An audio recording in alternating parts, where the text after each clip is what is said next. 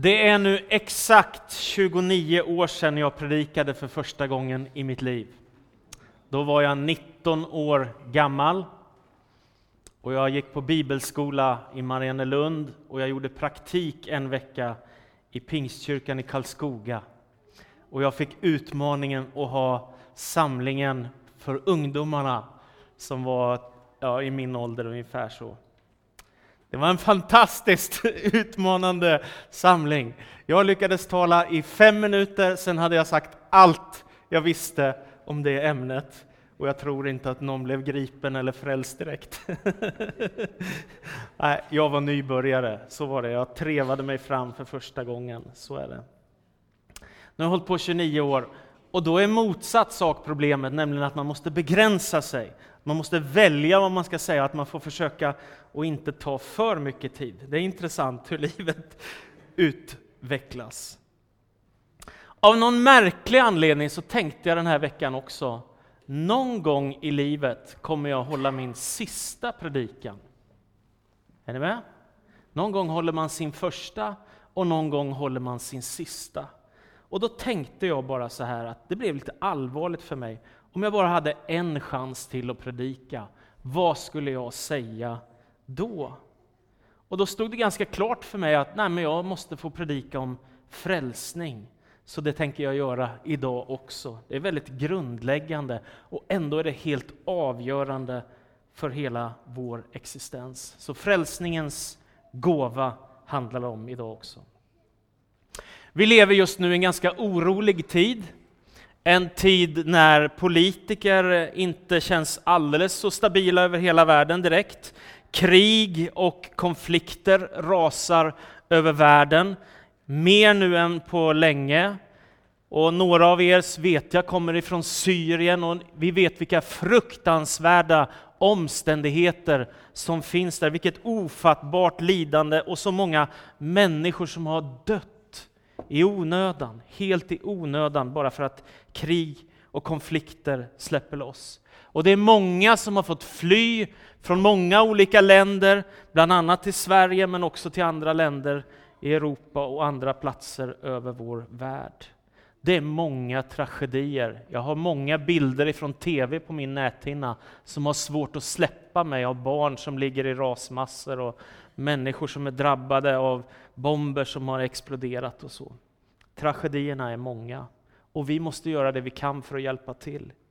Vi bekymrar oss också för miljön, eller hur?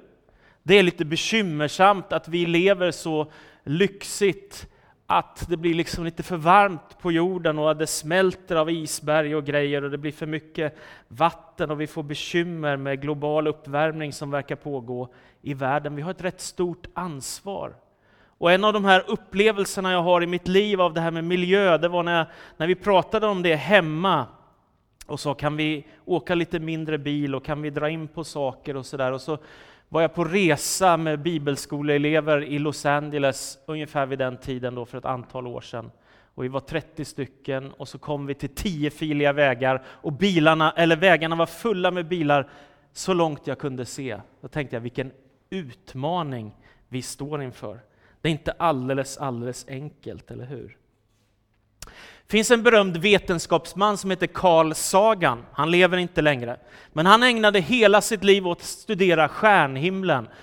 Han var astronom, så han ägnade sitt liv åt det. Han var fascinerad av stjärnorna, och solen och allt det som finns av liv i universum. Och en av de mest sedda programmen någonsin i världshistorien var han med och skapade och det handlade om universum, om kosmos. Och så här skriver han, som en slutsats av all hans forskning, så säger han Vår planet är en ensam fläck i det stora inneslutande kosmiska mörkret. I vårt dunkel, i all denna omätliga rymd finns det ingen fingervisning om att hjälp kommer någonstans ifrån för att rädda oss. Det var hans slutsats av 40 år av studier av himlen och stjärnor och solar och galaxer och allt vad det är han har studerat. Det var hans slutsats, vilket jag tycker är väldigt, väldigt tragisk, för den inger inget hopp här är vi, det kommer ingen räddning, det finns ingen annan, det gäller bara att gilla läget, ungefär så. Bibeln har då ett helt annat budskap. Raka motsatsen till det som den här begåvade astronomen sa. Precis tvärtom. Att det kommer hjälp utifrån. Att det finns en Gud som har skapat himmel och jord.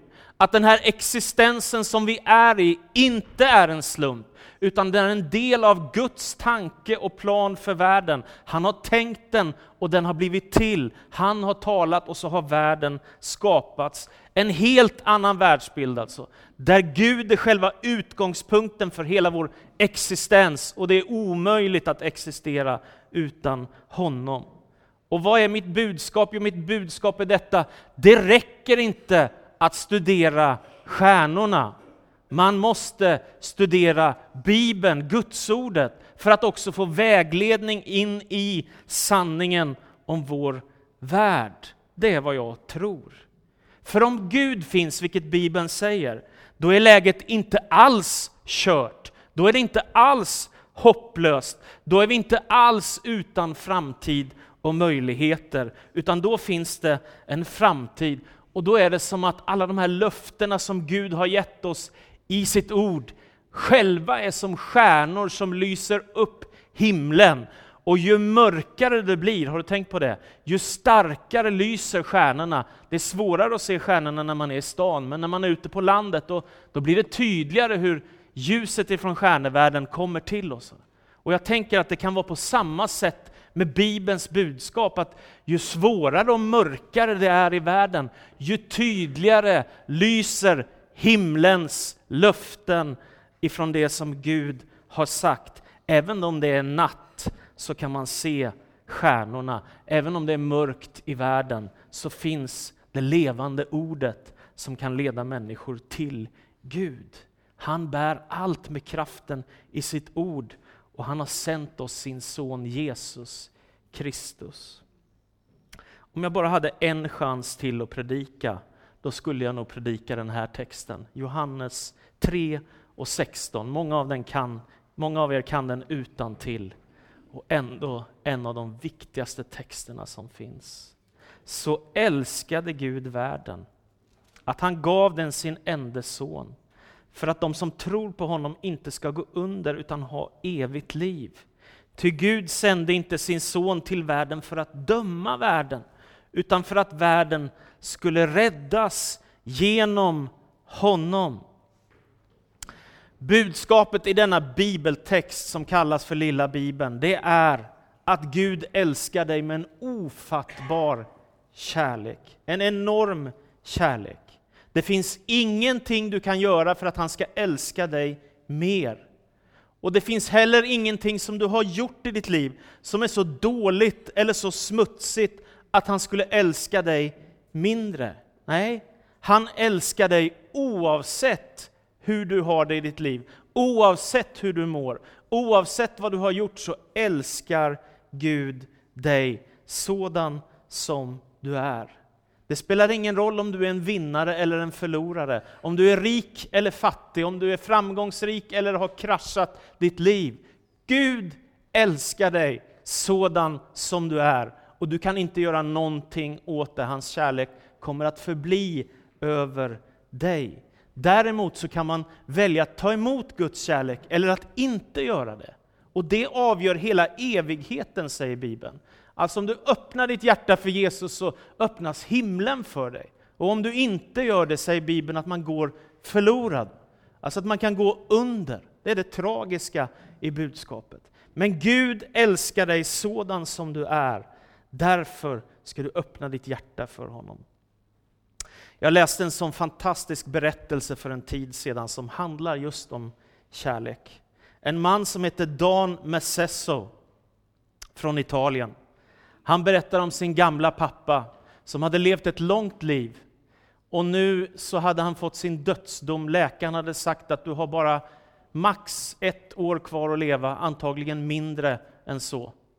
Så att han går in i en ganska jobbig tid i sitt liv och han går på mycket mediciner och får många behandlingar och åker in och ut på sjukhuset och ligger långa tider på sjukhus naturligtvis, så kommer dagen när hans son Dan kommer till pappa och berättar att hans fru är gravid och att de ska få barn och att han därmed ska bli farfar och han ska få ett barnbarn. Och den gamle mannen, han skiner upp. Han börjar stråla av glädje, trots att han är så fysiskt sjuk i sin kropp, så lyser det av glädje i honom. Och han sätter sig upp i sängen och så säger han till sin son, jag ska klara detta, jag ska se mitt barnbarn innan mitt liv är slut. Så går månaderna. Han kämpar med sin hälsa.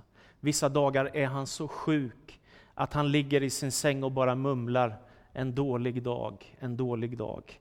Andra dagar är lite bättre och lite ljusare och han kan hantera sin tillvaro lite bättre. Men medicinerna och behandlingarna under tiden plågar hans kropp för att han ska klara sitt liv. Så går det nio månader och det är dags för hans sonhustru att föda barn. Och hon kommer in på förlossningen och hennes man är med henne och så får de en liten, liten flicka som föds den här dagen. Och så får pappan höra till barn som vars barnbarn nu är fött, han får höra att han har fått en son, en eh, sondotter, ett barnbarn. Och han blir alldeles överlycklig i den lilla kraft han har kvar i sin kropp. Så säger han, nu får du komma och hämta mig, säger han till sin son. Det är 90 minuter han ska färdas ifrån där han är till BB där hans barnbarn är fött. Och så kommer Dan, han kör fram bilen och så tar han in sin pappa med hjälp av en rullstol, den gamle mannen. Och så åker de i 90 minuter och Pop, som han hette, kämpar med att orka bara sitta i bilen i de här 90 minuterna. Sen är de framme och sätter honom i en rullstol, rullar in honom på BB och så kommer han in på förlossningssalen där hans sonhustru ligger med sin nyfödda lilla dotter. När han kommer fram och ser henne så rinner tårar av lycka ner för hans kinder. Och han är så svag i armarna att han orkar inte hålla den lilla flickan. Så istället kommer hans son och bär fram flickan och så håller hon framför farfar. Medan tårarna rinner så böjer sig farfar med sitt huvud fram och kysser den lilla flickan som är alldeles nyfödd. Och så säger han så här, det vackraste jag kan tänka mig. Kila Marie som hon hette. Farfar älskar dig väldigt mycket. Och sen är hans liv nästan slut. Han tappar all kraft, han slocknar på platsen där han är, de får snabbt skjutsa honom till sjukhuset. Inom några dagar så är han död. Och jag tänker vilken fantastisk människa, hålla sig vid liv och det handlar om ett slags offer. Han gör det, han vill bara skicka med det här barnbarnet, de vackraste orden man kan säga, jag älskar dig. Farfar älskar dig väldigt mycket. Och det är ett slags offer som han gör för sitt barnbarn. Jag tänker att det är exakt detta som kristen tro handlar om. Att Gud älskar så förtvivlat mycket att han måste offra sin enda son för att frälsa oss, för att rädda oss och ge ett nytt liv till oss. Så älskade Gud världen att han gav sin enda son för att de som tror på honom inte ska gå under utan ha ett evigt liv. Så hela världen, enligt Bibeln, är föremål för Guds kärlek. Och i evangeliet så uppenbaras denna enorma frälsningsplan som Gud har för hela världen, för alla människor, i alla nationer, i alla tider. Det är därför han ger Jesus Kristus, som ger ett löfte om frälsning och förlåtelse. Allt det som har blivit fel i ditt liv kan du få förlåtelse för. Allt det du bär utav skuld och elände, det kan du få lägga ner vid hans kors. Du behöver ju inte bära det själv om han har burit dina synder. Varför skulle du göra det? Nästa bild kan du ta.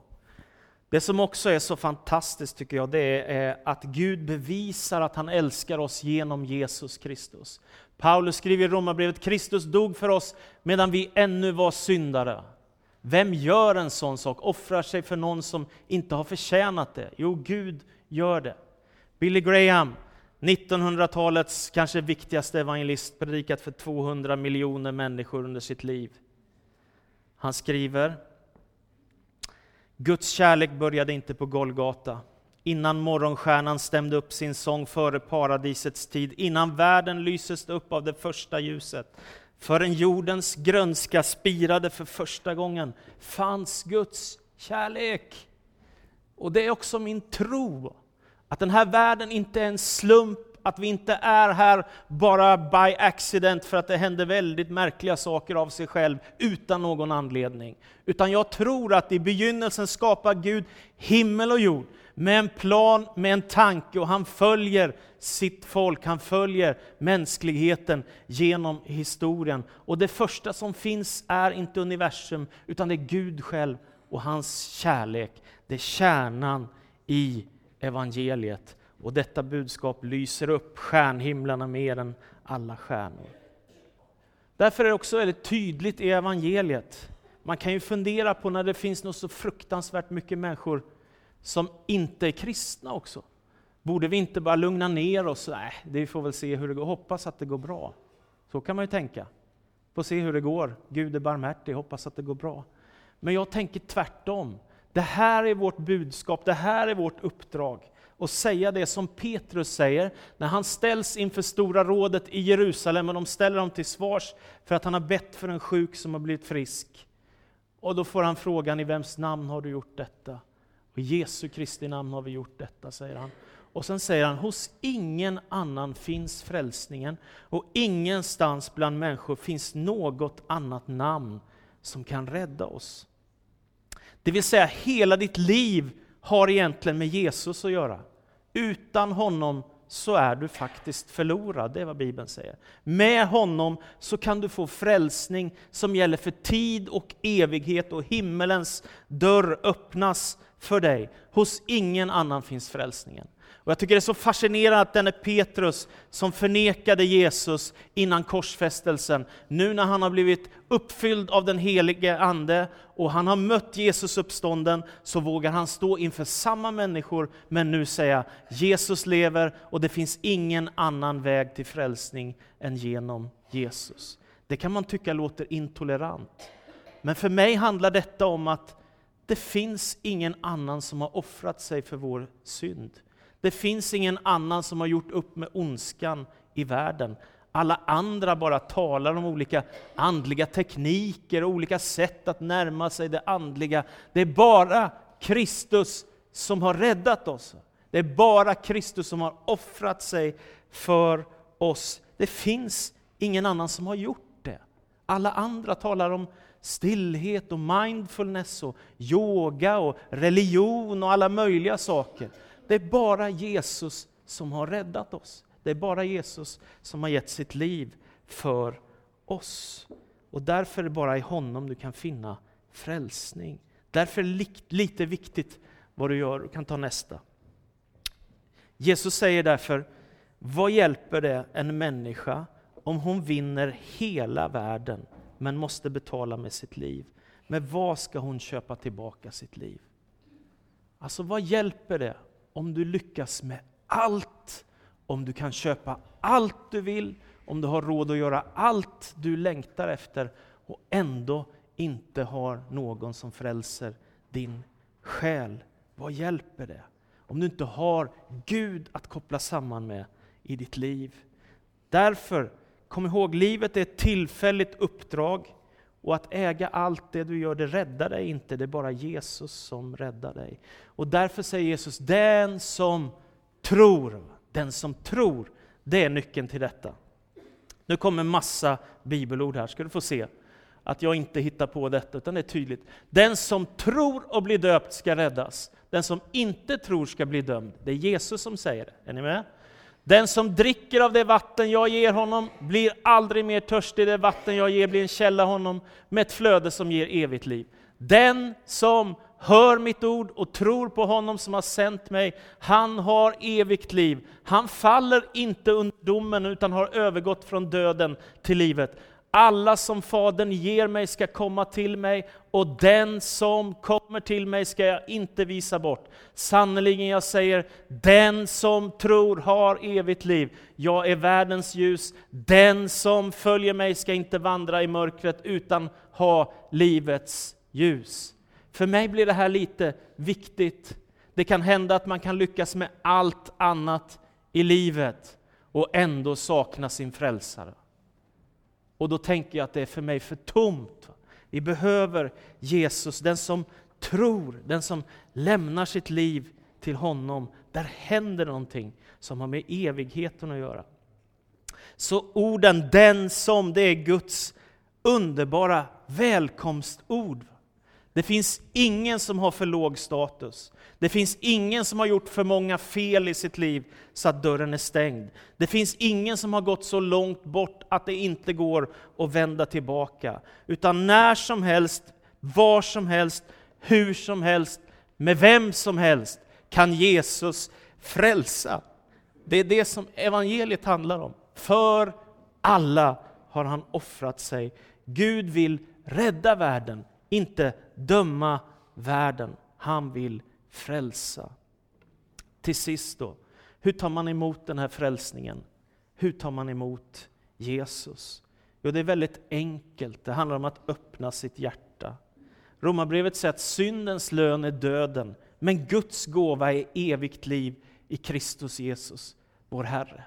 Vilket fantastiskt svar! Om Bibeln nu säger att alla människor har syndat mot Gud och alla människor har problem, så finns det också en lösning på detta problem och det är att Guds gåva är evigt liv i Kristus Jesus, vår Herre. Det finns en gåva förberedd för dig.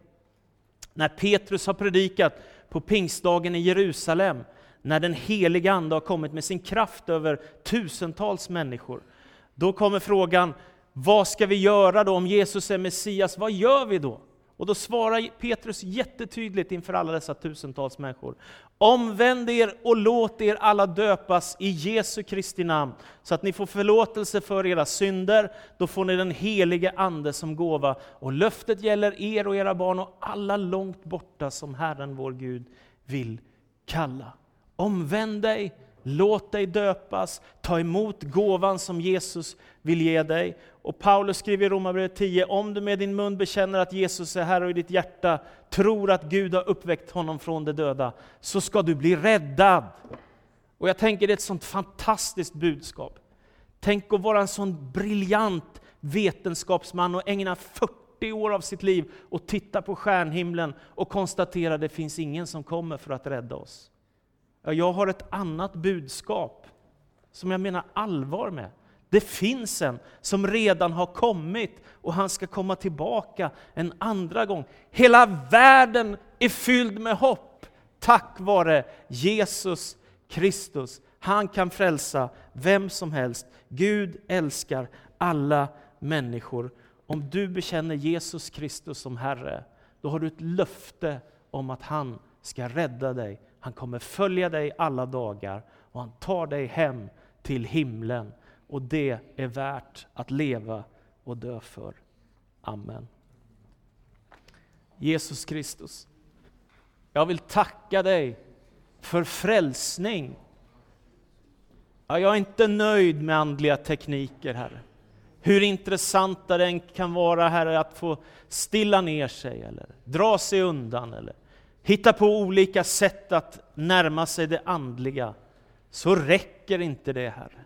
Det är inte nog, för ondskan finns kvar, och synden finns kvar, och lidandet finns kvar, hur andliga tekniker vi än har. Så det enda som kan rädda oss, det är min tro. Det enda som kan frälsa oss, det är du Jesus. Och jag ber att detta budskap skulle få ta skruv ordentligt i Karlstad och i Värmland, Herre. Bland alla dessa hundratusentals människor så ber jag Jesus, låt det här budskapet om frälsning få ta skruv, få ta fart, få sätta lite eld i baken på oss, Herre. Jag ber om det, Herre. Tack för att jag får ropa till dig om frälsning för vår stad, Herre. Och jag ber Gud att du ska verka med din heliga Ande i människors hjärtan. Så att inte domen uppenbaras som det första här, utan kärleken och frälsningen och godheten. Om det ber jag i Faderns och Sonens och den helige Andes namn. Amen.